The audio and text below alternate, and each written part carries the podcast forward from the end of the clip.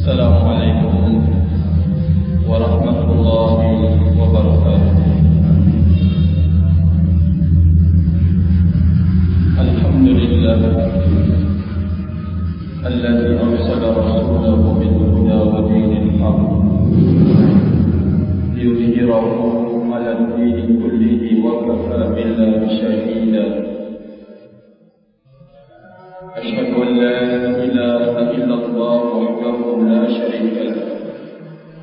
إقرارا به وتوحيدا أشهد أن محمدا عبده ورسوله صلى الله عليه وعلى آله وسلم تسليما مزيدا. أما بعد. فأوصي نفسي أولا وإياكم بتقوى الله فقد فاز المتقون. قال الله عز وجل في كتابه يا أيها الذين آمنوا اتقوا الله حق تقاته ولا تموتن إلا وأنتم مسلمون.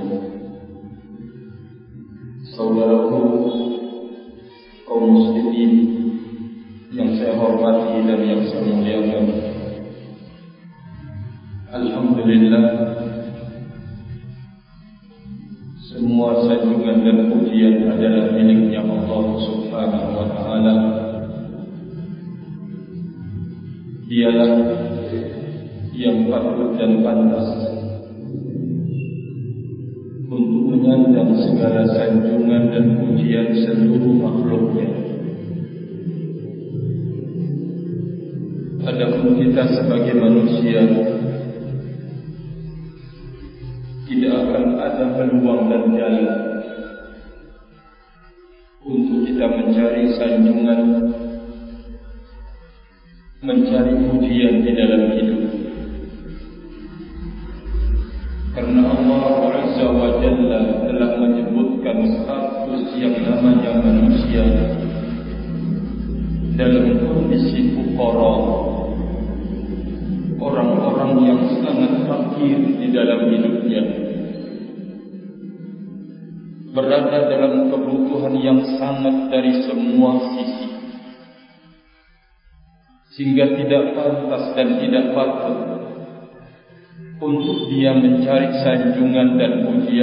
siapapun juga. Namun bagaimana kalau dia melaksanakan kebaikan dan ketaatan lalu mendapatkan sanjungan dan pujian dari manusia? Dia tidak pernah mengharapkannya. Dia tidak pernah mencarinya. Namun sanjungan dan pujian itu datang buat dirinya. Rasulullah alaihi salatu wassalam telah memberikan jawaban sesungguhnya dengan sabda beliau sallallahu alaihi wa ala alihi wasallam tilka ajilun bushra al-mu'min itulah sesungguhnya kabar gembira yang Allah Azza wa Jalla segerakan bagi orang yang beriman kepada Allah Subhanahu wa taala. Dia disanjung dalam kondisi dia tidak pernah mengharapkan. Dia dipuji dalam kondisi dia tidak pernah melirik dan mencari pujian tersebut. Namun datang pujian dan sanjungan Nabi sallallahu alaihi wa ala alihi wasallam mengatakan tilka ajilul bushral mu'min adalah suatu kabar gembira yang disegerakan oleh Allah Azza wa Jalla buat seseorang yang beriman. Ma'asyiral muslimin yang saya hormati dan yang saya muliakan. Insyaallah pada malam hari ini saya mengajak mengajak segenap saudara kaum muslimin untuk membahas sebuah sifat yang sangat tercela di dalam hidup. Yang karenanya Allah Azza wa Jalla telah mengusir iblis dari dalam surga. Dari kehidupan yang penuh dengan kenikmatan. Lalu diponis oleh Allah Azza wa Jalla menjadi orang yang terkutuk, menjadi orang yang terlaknat, diusir dari negeri kenikmatan menuju negeri kehinaan dan kerendahan. Sifat apakah itu? Allah Azza wa Jalla telah menceritakannya di dalam Al-Quran yang karenanya lah iblis atau jin ini menjadi orang yang hina dan rendah hidupnya sampai kemudian hari kiamat itu tiba dan datang. Di saat Allah Azza wa Jalla memerintahkan kepada iblis untuk kemudian sujud kepada Nabi Adam alaihi salatu wassalam. Lalu dia menolak perintah Allah Subhanahu wa taala bahkan mencoba untuk mengangkat dirinya bahwa saya itu lebih baik dari Adam. Saya itu lebih baik dari manusia secara umum yang tercipta dari tanah sedangkan saya diciptakan dari api. Allah Azza wa Jalla mengungkapkan di dalam Al-Quranul Karim sifat yang ada pada iblis laknatullah alaihi yang karenanya menjadi orang yang terlaknat dan terkutuk menjadi orang yang hina-hina hidupnya sampai kemudian hari kiamat. Allah Azza wa Jalla menyebutkan dua hal yang menjadi sifat melekat pada iblis yang darinya akan berjamur muncul berjamur di musim penghujan sifat-sifat yang jelek dan sifat-sifat yang kotor. Aba wastakbar. Aba sikap enggan ego yang ada pada iblis dan yang kedua adalah istakbar sikap sombong yang ada pada iblis tersebut. Ma'asyiral muslimin yang saya hormati Sebagaimana tadi kita sebutkan Bahawa makhluk ini berada dalam posisi orang yang sangat fakir manusia Sangat membutuhkan bantuan dan pertolongan Dan tidak bisa dan mampu Untuk kemudian menutupi semua hajat di dalam hidupnya dengan tanpa bantuan dan pertolongan dari Allah. Pantaskah manusia yang seperti ini atau bangsa jin yang seperti ini keadaannya menjadi orang yang angkuh dan sombong? Adakah pintu untuk kemudian karenanya dia menyombongkan dirinya? Jawabannya adalah tidak ada sama sekali sekecil apapun yang pantas menyombongkan diri adalah Allah Azza wa Jalla. Yang pantas untuk mengangkat diri adalah Allah Azza wa Jalla. Karena segala yang terkait di alam ini, dia Allah Azza wa Jalla yang mengaturnya. Dia Allah Azza wa Jalla yang memenuhi hajatnya. Maka di saat iblis merampas salah satu dari sifat yang itu Allah Azza wa Jalla yang berhak maka dia difonis oleh Allah Azza wa Jalla menjadi orang yang terkutuk dan menjadi orang yang dilaknat diusir dari kenikmatan. Rahimani wa rahimakumullah tentunya kita tidak akan pernah punya keinginan untuk kemudian merampas sifat kemuliaan Allah Azza wa Jalla. Al-kabir zat yang maha besar tidak pantas bagi kita orang yang beriman untuk kemudian memiliki sifat sebagaimana sifat yang melekat pada iblis laknatullah alaih sekarang yang menjadi pertanyaan. Mungkinkah orang yang beriman itu dijangkiti oleh penyakit ini? Jawabannya mungkin. Mungkinkah orang yang berlilit-lilit sorban di kepalanya atau jidatnya hitam karena terlalu banyak sujud. Atau mungkin orang yang punya ilmu hafizul Quran menghafal Al-Quran. Mungkinkah dia akan terjatuh dalam sifat angku dan sombong? Jawabannya sangat-sangat mungkin.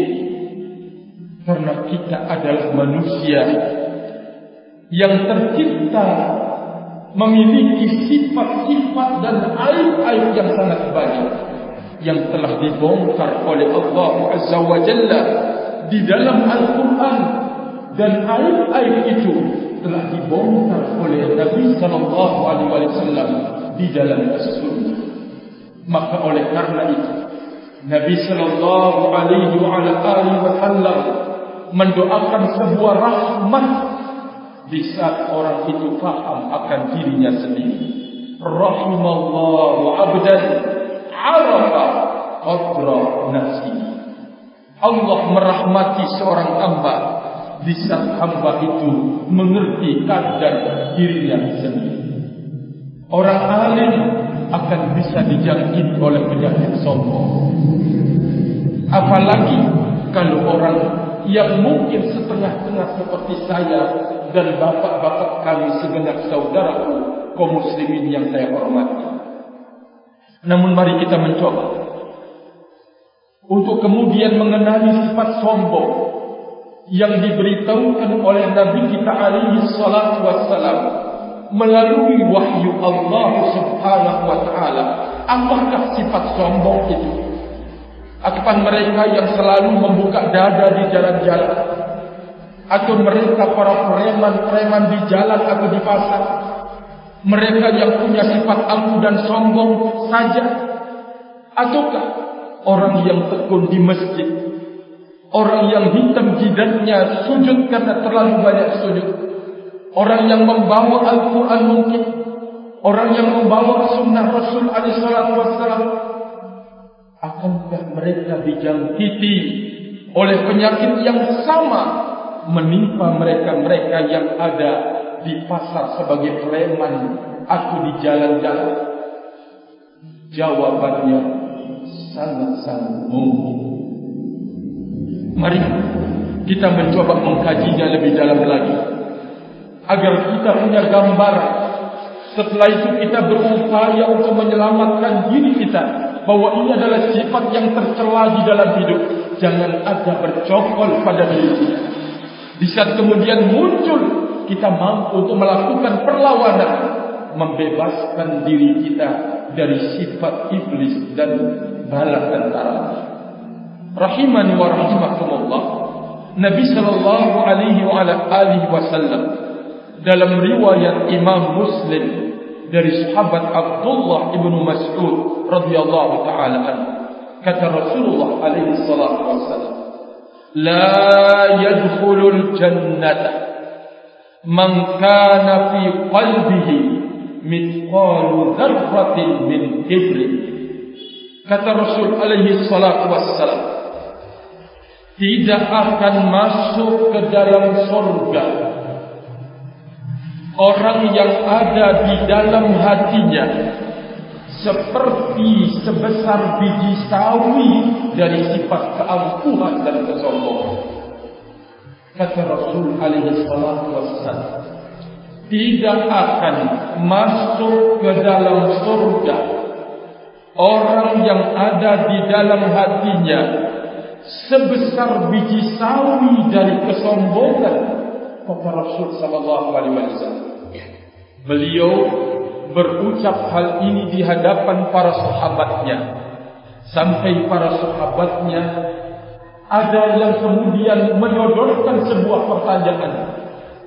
Faqala rajul inna ar-rajula yuhibbu an yakuna thawbuhu hasanan wa na'luhu hasanan. Ya Rasulullah. Seseorang senang dan suka kalau pakaiannya itu bagus, baik, berpenampilan yang masya Allah dan juga demikian sendalnya ya Rasulullah.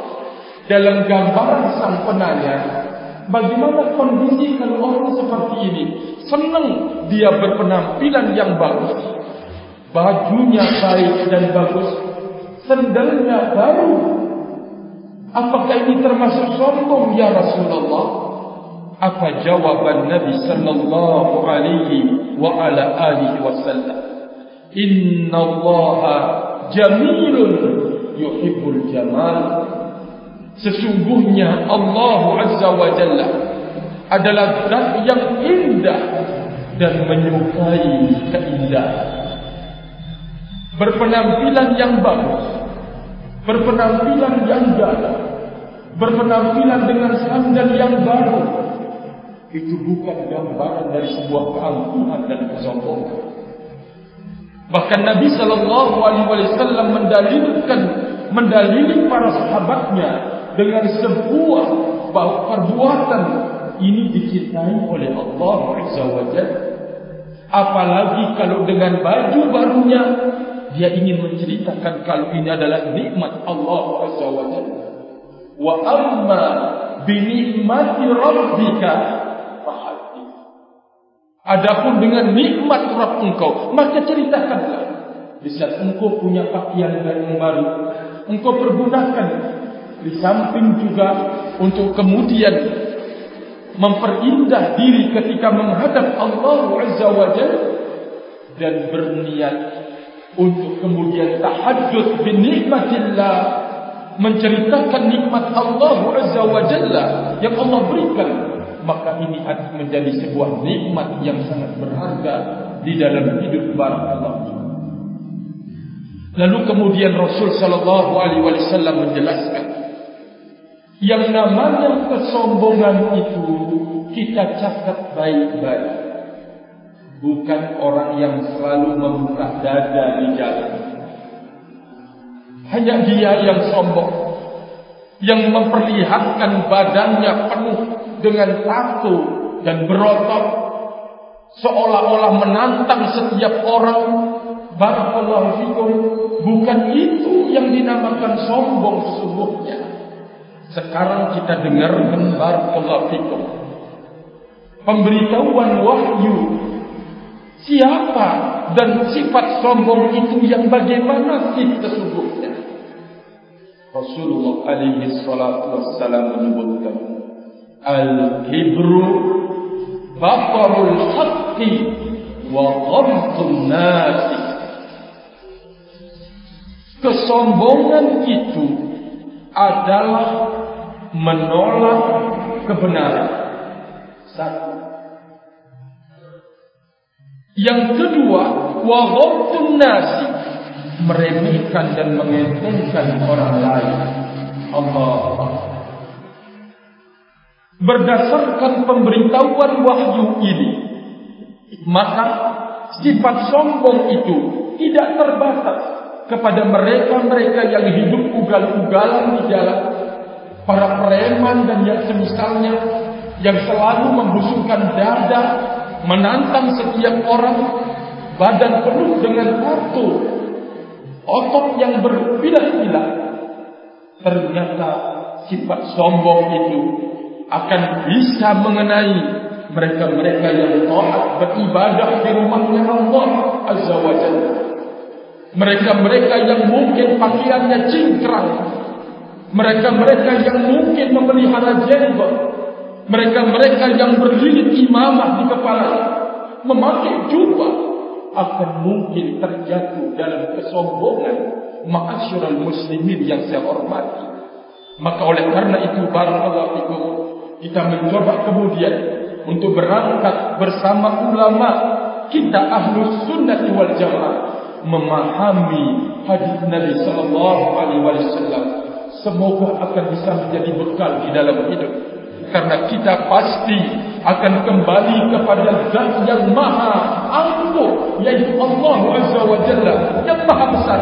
Kalau sekiranya kita membawa sifat keangkuhan dan kesombongan Nabi sallallahu alaihi wasallam telah menyebutkan tidak akan masuk ke dalam surga orang yang di dalam hatinya walaupun sebesar biji sawi dari kesombongan kata Rasulullah sallallahu alaihi wasallam dari definisi Rasul sallallahu alaihi wasallam kesombongan itu ada dua bentuk.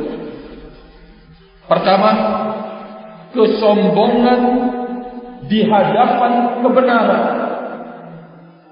Yang kedua, kesombongan di hadapan al-khaliq yaitu makhluk. Kita mencoba satu persatu untuk membahasnya. Ar-Rasul alaihi salatu wassalam menyimpulkan bahwa kesombongan yang dibenci, yang dicela oleh Allah Azza wa Jalla ada dua bentuknya. Pertama kesombongan di hadapan kebenaran dan yang kedua adalah kesombongan di hadapan al-khaliq yaitu makhluk. Kesombongan di hadapan kebenaran Allah Azza wa Jalla telah menyebutkan bahwa al-haqqu mir rabbika fala takunanna minal mumtarin kebenaran itu datangnya dari Allah. Maka jangan sekali-kali ragu untuk menerimanya. Segenap saudara kaum muslim karena adanya ego pada seseorang atau karena adanya bibit-bibit yang berbahaya dari penyimpangan pada diri seseorang sehingga menerima kebenaran itu berat kalau kebenaran itu keluar dari lisan anak muda sementara dia orang tua. Dia akan berat menerima kebenaran.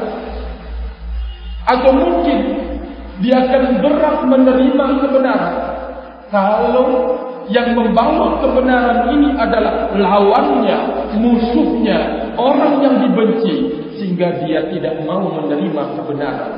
Kalau kebenaran itu muncul dari lawannya Padahal Allah Azza wa Jalla mengatakan Al-Haqqu min Rabbika Fala takunanna minal mumtari Kebenaran itu adalah datangnya dari Allah Maka disinilah sikap Orang-orang yang punya jiwa ketawaduan di dalam diri Sebagai lawanan dari sifat keangkuhan dan kesombongan. Orang yang dikatakan tawadu bukan orang yang cuma merunduk badannya, jasadnya di hadapan hayalan ramai. Lalu menampakkan diri seolah-olah orang yang punya kelembutan, ketawaduan itu ketawaduan yang ada pada diri engkau adalah di saat engkau berada di hadapan kebenaran maukah engkau menerimanya Maukah engkau mengambilnya? Walaupun kebenaran itu datangnya dari orang yang paling kau benci. Orang yang paling kau tidak sukai. Maka di saat engkau menerimanya. Engkau adalah orang yang punya jiwa ketawaduan. Orang yang punya jiwa tawaduk barakallah. Tapi kalau engkau berpenampilan sabar berpenampilan merunduk di hadapan khayalan ramai kelihatannya Masya Allah tapi di saat engkau salah dan keliru ada orang yang menegur lebih rendah dari diri engkau ada orang yang mungkin ia jarang kelihatan di masjid tetapi menegur kesalahan engkau. Apa yang diucapkan adalah benar. Maka bentuk di saat itu engkau tidak mau menerima. Engkau tidak mau mengambil, engkau tidak mau mendengar, maka engkau adalah tergolong orang yang angkuh dan sombong. Bukan orang yang punya ketawaduan, tetapi engkau tergolong orang yang punya jiwa angkuh dan sombong. Barakallahu Oleh karena itu, Nabi sallallahu alaihi wa ala alihi wasallam mengatakan man tawadhu'a lillahi rafa'ahu Siapa saja yang tawadhu merendah diri karena Allah Azza wa Jalla kebenaran itu datangnya dari Allah Jikalau engkau merendah diri menerima kebenaran yang datangnya dari Allah walaupun kebenaran itu keluar dari musuh engkau maka engkau tergolong orang yang tawadhu karena Allah Azza wa Jalla rafa'aka Allah. Allah akan mengangkat engkau orang yang tadi musuh engkau akan semakin segan terhadap diri engkau karena melihat engkau adalah orang yang tunduk kepada kebenaran. Tetapi jikalau dia menyampaikan kebenaran lawan engkau lalu engkau tidak menerimanya dia akan semakin berani kepada engkau sebagaimana engkau berani kepada Allah Jalla karena kebenaran itu datangnya dari Allah Subhanahu wa taala. Ma'asyiral muslimin yang saya hormati. Di saat kemudian ada orang yang memelihara jenggot pakaiannya cingkrang salah di dalam berbuat, salah di dalam bersikap. Engkau ingatkan engkau nasihati, engkau tegur, tapi dia punya dalil sana, dalil sini, punya sekian alasan yang dikeluarkan. Ingat, orang yang sombong itu adalah orang yang menerima, tidak menerima kebenaran. Jadi sekali lagi, orang yang sombong terhadap kebenaran ini lebih berbahaya daripada orang yang sombong di hadapan manusia. Karena sombong di hadapan kebenaran ini akan menjurus kepada kesesatan membahayakan dunia dan akhirat ma'asyiral muslimin yang saya hormati dan yang saya muliakan. Sekali lagi bahwa dua bentuk kesombongan. Kesombongan yang pertama apa tadi? Kesombongan di hadapan kebenaran dengan menolak kebenaran itu barakallahu maka sikap sunni seorang yang berjalan di atas sunnah ahlu sunnah wal jamaah. Sikap yang diajarkan oleh Imam Syafi'i. Sikap yang diajarkan oleh Imam Malik. Sikap yang diajarkan oleh Imam Abu Hanifah. Yang diajarkan oleh Imam Ahmad. Semuanya orang-orang yang punya kesiapan untuk kembali kepada Imam Syafi'i rahimahullah taala bahwa jikalau ucapan-ucapanmu bertentangan dengan hadis Nabi sallallahu alaihi wasallam yang benar datang dari beliau ketahuilah bahwa itu adalah mazhab mazhab beliau adalah apa yang itu merupakan kebenaran datang dari Allah Azza wa Jalla dan Rasulnya Muhammad sallallahu alaihi wa ala alihi wasallam. Ma'asyiral muslimin yang saya hormati dan yang saya muliakan, maka ini gambaran yang pertama. Orang yang memiliki sifat angkuh dan sombong itu adalah orang yang menolak kebenaran. Dan penyakit kesombongan dan keangkuhan ini akan bisa mengenai semua pihak. Saya yang sedang duduk di hadapan segenap saudaraku kaum muslimin banyak peluang untuk kemudian dijangkiti oleh penyakit ini. Rahimani wa rahimakumullah. Maka oleh karena itu kalau kita ingin menjadi orang yang tawadhu merendah diri karena Allah Azza wa Jalla kita harus memperhatikan diri kita ini di hadapan kebenaran. Patuhkah kita? Tundukkah kita adakah kesiapan pada diri kita untuk disalahkan oleh kebenaran?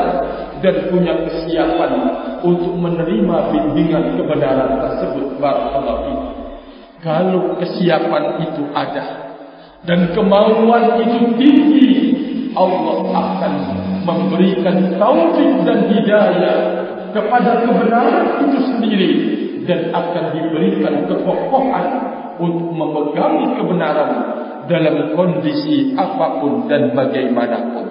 Itulah keberkahan dari Allah Azza wa Jalla. Jangan sampai kita difonis oleh Allah seperti orang-orang musyrikin yang mendekatkan diri kepada Allah, yang beribadah kepada Allah biharbin sesuai dengan kondisi kalau senang ya mau, kalau enggak senang ya enggak mau. Ini bukan akhlaknya seseorang muslim sejati ma'asyiral muslimin yang saya hormati. Di saat dia mengenali kebenaran dia pegang erat-erat kebenaran itu. Dia tidak pernah akan menukarnya dengan secuil duniawi atau dengan setinggi apapun dari kedudukan dan jabatan dia siap untuk kemudian mempertahankannya. Karena dia tahu kebenaran ini datangnya dari Allah. Dialah yang akan menyelamatkan dia. Apa yang dia maukan di dalam hidup. Dari predikat kemuliaan ketinggian keberkahan. Semuanya itu dengan kebenaran. Karena keberkahan itu datang dari Allah subhanahu wa ta'ala. Maka segenap saudara kaum muslimin kalau kita ingin usaha kita berberkah. Kalau kita ingin rumah tangga kita berberkah. Kalau kita ingin masyarakat kita berberkah. Negeri kita ini mengeluarkan barokahnya. Apa kata Allah SWT? Semuanya itu harus diperoleh melalui pintu-pintu kebenaran yang kita kenal dari wahyu ilahi. Kita lakukan, kita kerjakan, kita buang jauh-jauh sesuatu yang akan membahayakan hidup dari beragam-ragam bentuk maksiat kepada Allah Subhanahu wa taala. Tidak ada istilahnya orang yang teguh berpegang dengan kebenaran lalu dihinakan oleh Allah Azza wa Jalla hidupnya. Walaupun dunia ini memusuhinya dan penghuni dunia atau penghuni langit memusuhinya selama dia berada di atas kebenaran tidak akan dimudaratkan oleh semuanya itu barakallahu Kenapa? Karena di saat dia kembali kepada kebenaran, artinya dia kembali mencari perlindungan dari Allah. Dia kembali mencari penjagaan dari Allah. Di saat dia kembali kepada kebenaran, berarti dia meminta bantuan dan pertolongan dari Allah Azza wa Jalla. Tapi saat dia meninggalkan kebenaran, tidak akan ada lagi perlindungan buat dirinya. Tidak akan ada lagi penjagaan buat dirinya. Di saat kemudian Allah melepaskan pertolongan dan perlindungannya, orang-orang jahat akan berkuasa pada dirinya. Orang yang punya kepentingan akan menguasai dirinya sendiri. Tapi kalau dia kokoh berpegang terhadap kebenaran apa yang datang dari Allah Azza wa Jalla, walaupun dia seorang diri, Allah akan bukakan berkah di dalam hidupnya. Umur yang dia miliki berberkah. Usaha kecil yang dia miliki berberkah. Istrinya memperoleh keberkahan. Anaknya diberkahi oleh Allah Azza wa Jalla. Di saat dia menjunjung tinggi kebenaran itu. Ma'asyiral muslimin yang saya hormati. Tidak ada harapan. Semoga saya dan segenap saudara kaum muslimin masuk dalam kategori mereka-mereka yang menjunjung tinggi kepentingan kebenaran di atas kepentingan segala-galanya. Baik itu adalah nyawa yang kita miliki. Kalau urusannya adalah kebenaran, jangan sampai kita membayarnya dengan nyawa kita. Maksudnya, kita tidak melepaskan kebenaran untuk menjaga mungkin nyawa kita. Menjaga harta benda kita. Jangan sampai harta benda bukankah sering menggoda dan melupakan kita dari Allah Azza wa Jalla. Sementara kebenaran itu sudah jelas jalannya dan sudah jelas ujungnya akan mempertemukan kepada Allah Subhanahu wa taala. Maka bentuk sebuah keangkuhan dan kesombongan di dalam hidup di saat kita tidak mau menerima kebenaran dari seseorang yang menyampaikan kita kepada kita. Maka sikap yang diajarkan oleh Al-Quran dan Sunnah yang diteladankan kepada kita oleh para ulama-ulama Sunnah seperti ulama yang kita sebutkan Al-Imam Syafi'i Al-Imam Ahmad Imam Malik Imam Abu Hanifah mengajak kita kembali semuanya kepada kebenaran. Mereka mengatakan kalau ucapan saya menyelisihi Al-Quran atau sunnah Rasul SAW menyelisihi kebenaran, buang jauh-jauh ucapanmu kata mereka. Barakallah. Pelajaran yang sangat berharga di dalam hidup buat kita semua. Saya yakin kita semua yang mengharapkan bantuan dan pertolongan Allah selalu di dalam kita ingin mencari barokat di dalam hidup kita ingin mencari sifat qanaah sifat yang direzekikan oleh Allah Azza wa Jalla merasa cukup atas apa yang dia miliki. Tidak pernah menoleh dan menoleh melihat sampai kemudian melirik kepada yang haram. Apalagi kalau sampai bergelut kepada yang haram. Dia diberikan sifat qanaah dan dia diberikan sifat kezuhudan.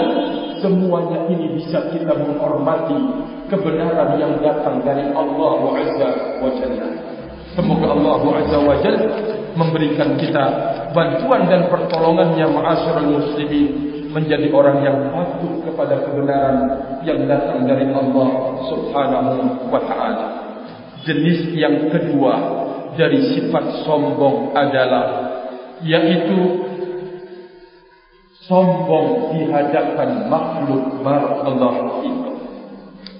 Gambaran kesombongan di hadapan makhluk ini adalah meremehkan dan mengentengkan mereka. Mungkin engkau dulu sebagai murid. Ini adalah guru engkau. Setelah engkau berjuang engkau lebih pintar dari guru engkau maka engkau tidak boleh meremehkan dia mengentengkan dia atau mungkin ada saudara engkau semuslim terjatuh dalam kesalahan terjatuh di dalam keliruan engkau tidak boleh mengentengkan dan meremehkan mereka antum anggap dia tidak punya apa-apa dia fakir dia miskin terserah Sementara orang yang kaya, yang punya duit, banyak kesalahannya dibanding orang miskin. Anda lengket dengannya. Anda berusaha untuk mendekatinya. Anda berbahasa basi di hadapannya. Maka ini adalah sifat angkuh dan sombong yang ada pada diri. Tidak boleh terjadi. Selama dia adalah seorang muslim, engkau dia adalah saudara engkau. Muslimah, dia adalah saudari engkau. Kalau dia salah dan keliru, kewajiban engkau untuk melakukan pembenaran, perbaikan, pelurusan dengan penuh hikmah dan bijaksana. Tetapi jika engkau menghakimi mereka, menghukumi mereka, menjatuhkan mereka, engkau jadikan bagikan musuh mereka, maka barakallahu ini artinya bahwa engkau meremehkan dan mengentengkan mereka engkau tidak punya jiwa kecuali keangkuhan dan kesombongan barakallahu maka cukup persaudaraan itu yang kita harus jadi patokan adalah keislaman dan keimanan. Orang yang salah dari saudara engkau engkau harus membimbingnya engkau harus mengarahkannya. Kalau saja Iblis sabar untuk menyesatkan mereka maka kita harus bersabar untuk membenahi saudara kita.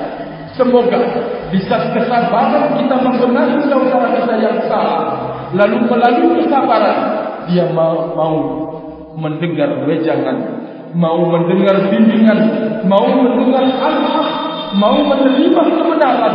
Bukankah ini adalah tabungan yang sangat besar di sisi Allah Azza wa Jalla? Kata Nabi sallallahu alaihi wasallam, la ayyadiyallahu bika rajulan wahidan khairun laka min umurin na'ami kata beliau sallallahu alaihi wasallam seseorang yang mendapatkan hidayah melalui tangan engkau. Engkau sabar membimbingnya. Engkau sabar membenahinya. Engkau sabar untuk mengarahkan dan meluruskannya. Lalu kemudian dia menjadi orang terluruskan menjadi orang yang menerima kebenaran. Lapang dadanya untuk kemudian dinasihati. Maka itu kata Nabi sallallahu alaihi wasallam lebih baik daripada engkau memiliki onta-onta merah gambaran onta merah disinggung oleh Rasulullah SAW karena melalui engkau seseorang mendapatkan hidayah karena di saat itu harta yang paling berharga memiliki onta-onta merah. Harga seseorang mendapatkan bimbingan melalui engkau itu lebih baik daripada engkau mengumpulkan onta, onta, onta, onta merah. Berarti sebuah keutamaan. Sekali lagi, kalau iblis sabar menunggu kesempatan mencari peluang untuk menyesatkan hamba-hamba Allah Azza wa Jalla, kenapa? Kita tidak punya kesabaran untuk membimbing, mengarahkan saudara dan saudari kita yang salah dan keliru. Barakallahu fikum. Maka oleh karena itu, mari kita bersama-sama untuk kembali kepada bimbingan Nabi alaihi salatu wassalam menganggap bahawa saudara kita ini adalah salah dan keliru adalah kepincangan hidup engkau sesungguhnya mungkin karena engkau kurang bersemangat untuk kemudian menyampaikan kebenaran kepada mereka atau anda melirik karena mereka itu adalah orang fakir dan miskin. Engkau tidak mau mendatanginya. Engkau tidak mau mengajarinya. Engkau tidak mau mengarahkannya sementara orang-orang kaya mungkin akan lebih banyak kesalahan. Anda tidak bisa berbicara di hadapannya karena anda menginginkan hartanya. Engkau tidak bisa berbuat di hadapannya karena ada yang engkau cari di belakangnya. Tetapi jika engkau benar-benar karena Allah Azza wa Jalla berbicara menyampaikan kebenaran, semoga semuanya yang kaya, yang miskin, yang pejabat atau rakyat jelata bisa menerima kebenaran yang datang dari Allah Azza wa Jalla. Maka sikap mengeremehkan dan sikap mengentengkan orang lain itu adalah gambaran keangkuhan dan kesombongan pada diri kita. Semoga Allah Azza wa Jalla menjauhkan kita dari semuanya ini dan memberikan kita sifat-sifat yang mulia dan terhormat untuk kita bisa bertemu dengan Zat yang maha mulia dan terhormat yaitu Allah Azza wa Jalla. Allahumma amin. Allahumma amin. Mungkin ini yang bisa saya sampaikan pada kesempatan kali ini. Semoga ada manfaatnya buat diri saya sendiri dan tetap saya tidak akan lupa kebaikan kepada para pengurus masjid Nurul Islam yang telah memberikan peluang untuk saya bertatap muka bersama saudara saya di majlis yang sangat mulia di rumahnya Allah Azza wa Jalla. Tidak ada kata dan kalimat yang patut dan pantas saya ucapkan kecuali jazakumullahu khair wa barakallahu fikum semoga Allah membalas dengan kebaikan dan memberikan keberkahan pada amal soleh kita. Allahumma amin Allahumma amin. Wa akhiru da'wana alhamdulillah. Subhanakallahumma wa bihamdika ashhadu an la ilaha illa anta astaghfiruka wa atubu ilaik wassalamu alaikum warahmatullahi wabarakatuh